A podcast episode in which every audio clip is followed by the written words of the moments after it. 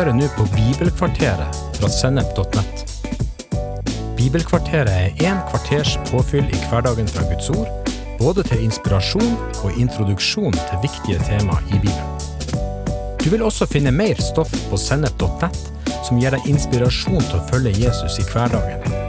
Følg oss på Facebook og Instagram, og abonner på våre podkaster i Spotify, iTunes, Google Podkast, YouTube eller i den podkastappen som du bruker.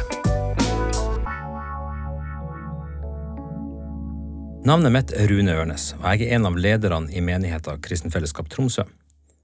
Etter en gudstjeneste kom en av de unge lederne til meg for å slå av en prat. Han var tidlig i 20-årene, student, aktiv i samfunnet, en av studentlederne og en vektig medarbeider i menigheten for øvrig. Han var tydelig misfornøyd med noen ting, og jeg stoppa opp for å lytte. Budskapet hans var enkelt. Jeg og resten av menigheten sine eldste hadde kommet litt seint denne dagen uten å gi beskjed. De unge lederne de var tidlig ute, og de hadde hendene fulle av teknikk, lovsangsøving og streaming. Så dukka det opp en uforutsett situasjon som de ble nødt til å håndtere, og den totale belastninga før møtet ble altfor stor. Dersom lederskapet hadde vært der i god tid, ville saken vært enkel å løse. Det var lett å se at han var frustrert, og ordene hans var tydelige og klare. Jeg og de andre lederne hadde svikta. Samtidig som jeg lytta på budskapet, fikk jeg også anledning til å reflektere over selve samtalen.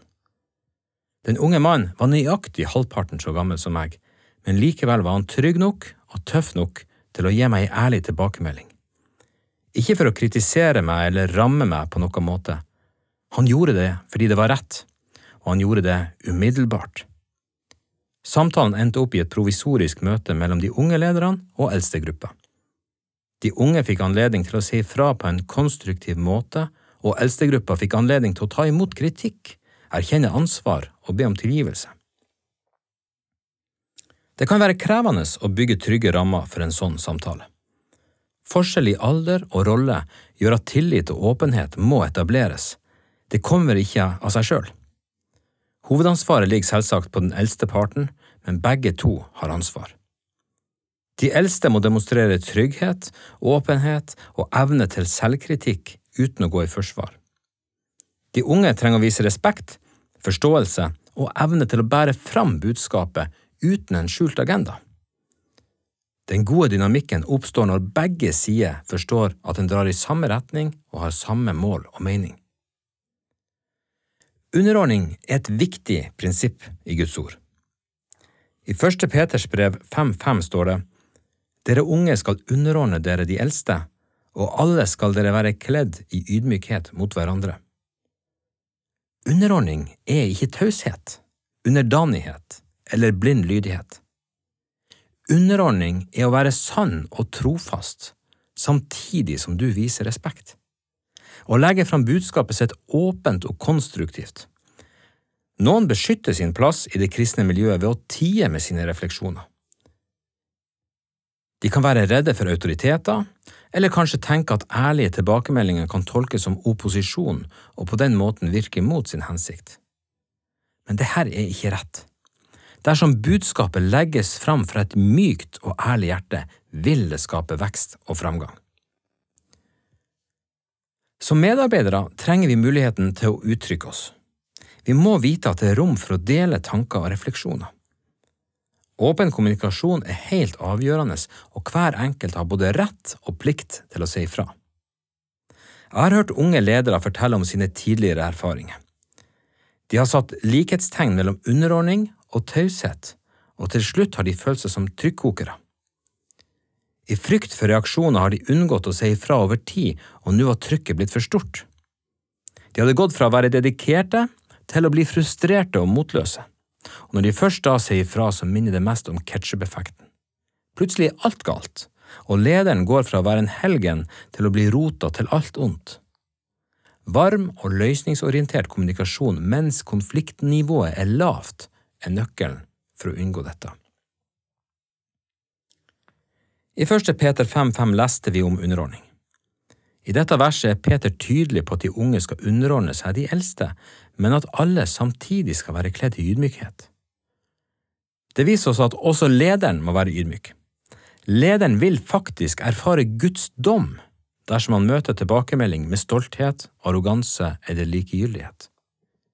Gud sjøl vil stå han imot. I verste fall kan alt han har jobba for, falle sammen. Ikke på grunn av mangel på ressurser eller engasjement, men på grunn av stolthet.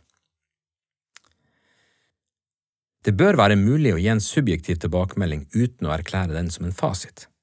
Vi kan reflektere sammen uten at man må være 100% enige. Det hender ofte at situasjoner kan oppleves ulikt.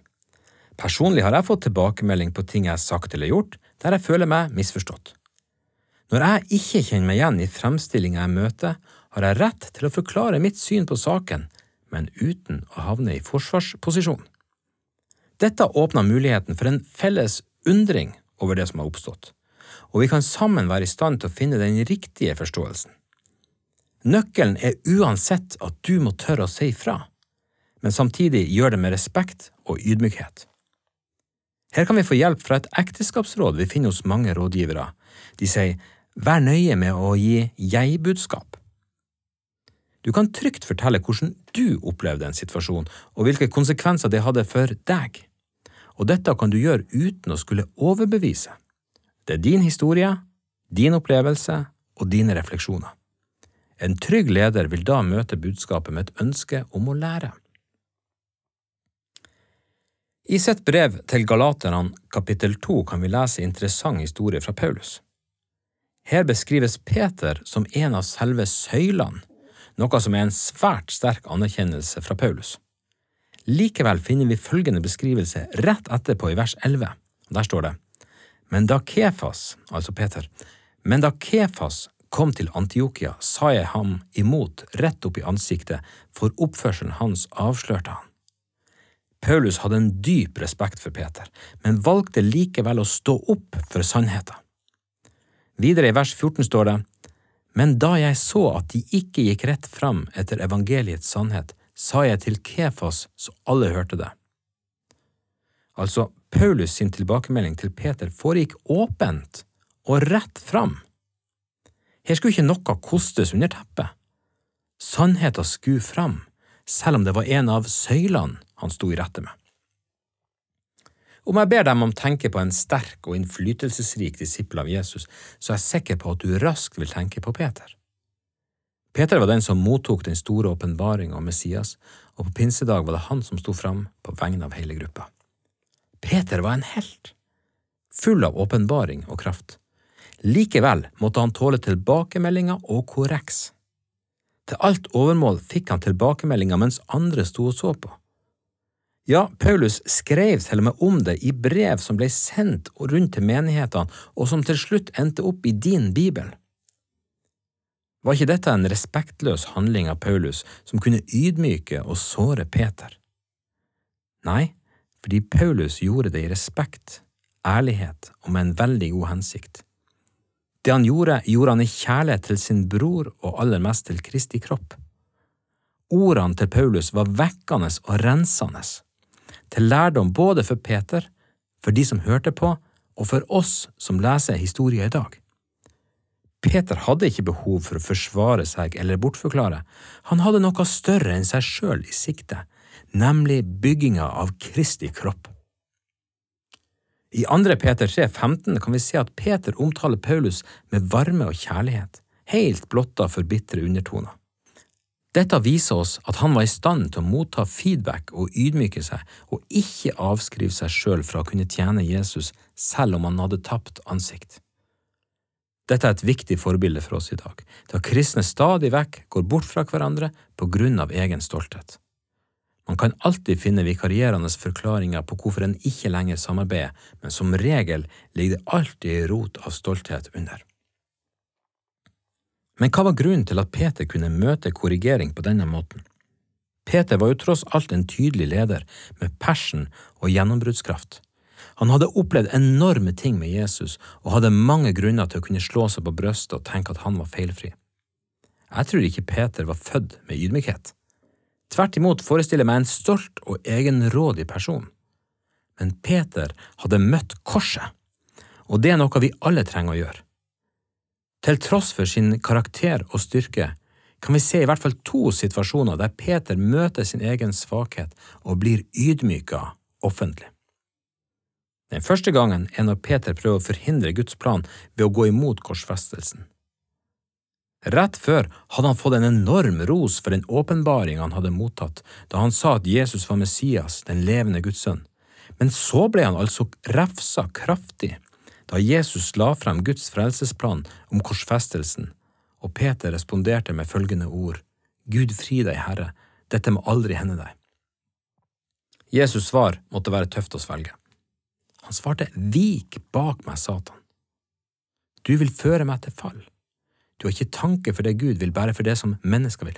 Kan du tenke deg å få dette svaret fra Jesus, direkte, åpent og framfor alle de andre disiplene? Den andre situasjonen finner vi litt senere, da Jesus profeterte at disiplene ville vende seg bort fra han. Peter var da raskt ute og proklamerte, om så alle vender seg bort fra deg, kommer jeg aldri til å gjøre det. Men Jesus profeterte videre, sannelig jeg sier deg, i natt før han galer skal du fornekte meg tre ganger. Likevel holdt Peter fast på sitt og svarte, om jeg så må dø med deg, vil jeg ikke fornekte deg. Jeg regner med at du kjenner historien videre. Jesu ord ble virkelig, og Peter fornekta tross sin tydelige bekjennelse. Men etter Jesu oppstandelse fikk Peter erfare Jesu tilgivelse og nåde da han fikk erklære sin kjærlighet til Jesus like mange ganger som han sjøl hadde fornekta. Peter møtte sin egen skrøpelighet. Han ble offentlig ydmyka gjentatte ganger. Han ble strippa for egen stolthet, samtidig som han fikk oppleve hvordan Jesu nåde reiste han opp igjen. Resultatet var en mann som var ferdig med seg sjøl. Han hadde ikke behov for å forsvare seg. Han hadde kjent på kroppen hvordan Gud står den stolte imot, og at den ydmyke får nåde. Det gjorde Peter til en trygg leder. En leder som kunne motta kritikk uten å måtte forsvare seg. Paulus hadde en ung medarbeider som het Timoteus. Paulus karakteriserer han som sin ektefødte sønn i troa og viser engasjement for hans personlige utvikling og hans tjeneste for Kristus. I 1. Timoteus 4,12 leser vi La ingen forakte deg fordi du er ung, men vær et forbilde for de troende i ord og livsførsel, i kjærlighet, tro og renhet. Legg merke til hva han sier her. La ingen forakte deg fordi du er ung. Selv om du er ung, har du et ansvar for å være et forbilde i ord og livsførsel. Du har en plikt til å stå fram, også når det koster. På den måten kan du være et redskap for justering og vekst for alle mennesker, på tross av alder og ansiennitet. I neste kapittel i 1. Timoteus 5.1-2 sier Paulus, Bruk ikke harde ord mot en eldre mann, men forman han som en far. Forman unge menn som brødre, eldre kvinner som mødre og unge kvinner som søstre i all renhet. Paulus underviser Timoteus om hvordan han skal formane. Timoteus skal ikke være taus i møte med eldre menn og kvinner, men heller formane de som fedre og mødre i all renhet. Dette betyr at du formaner uten egen agenda eller ureine motiv. Fokuset er enkelt, vi formaner hverandre, slik at Kristi kropp bygges opp i tro og sannhet. Min trofaste bror, den unge medlederen i Tromsø, hadde ingen egen agenda. Han ønska ikke å posisjonere seg med sine uttalelser, og var heller ikke redd for en negativ respons. Hans ord og hans handling lærte meg om ansvarlighet og kommunikasjon. Og enda mer om trofast brorskap. Det er altså sunt og rett å si ifra, så lenge hjertet er rent og intensjonene er gode. Dersom vi gjør det, får vi en kultur som er byggende, der det er trygt å ta på seg ansvar og lederskap. En kultur der både unge og eldre kan gjøre feil, gi hverandre nåde og finne rom til gjensidig vekst og framgang.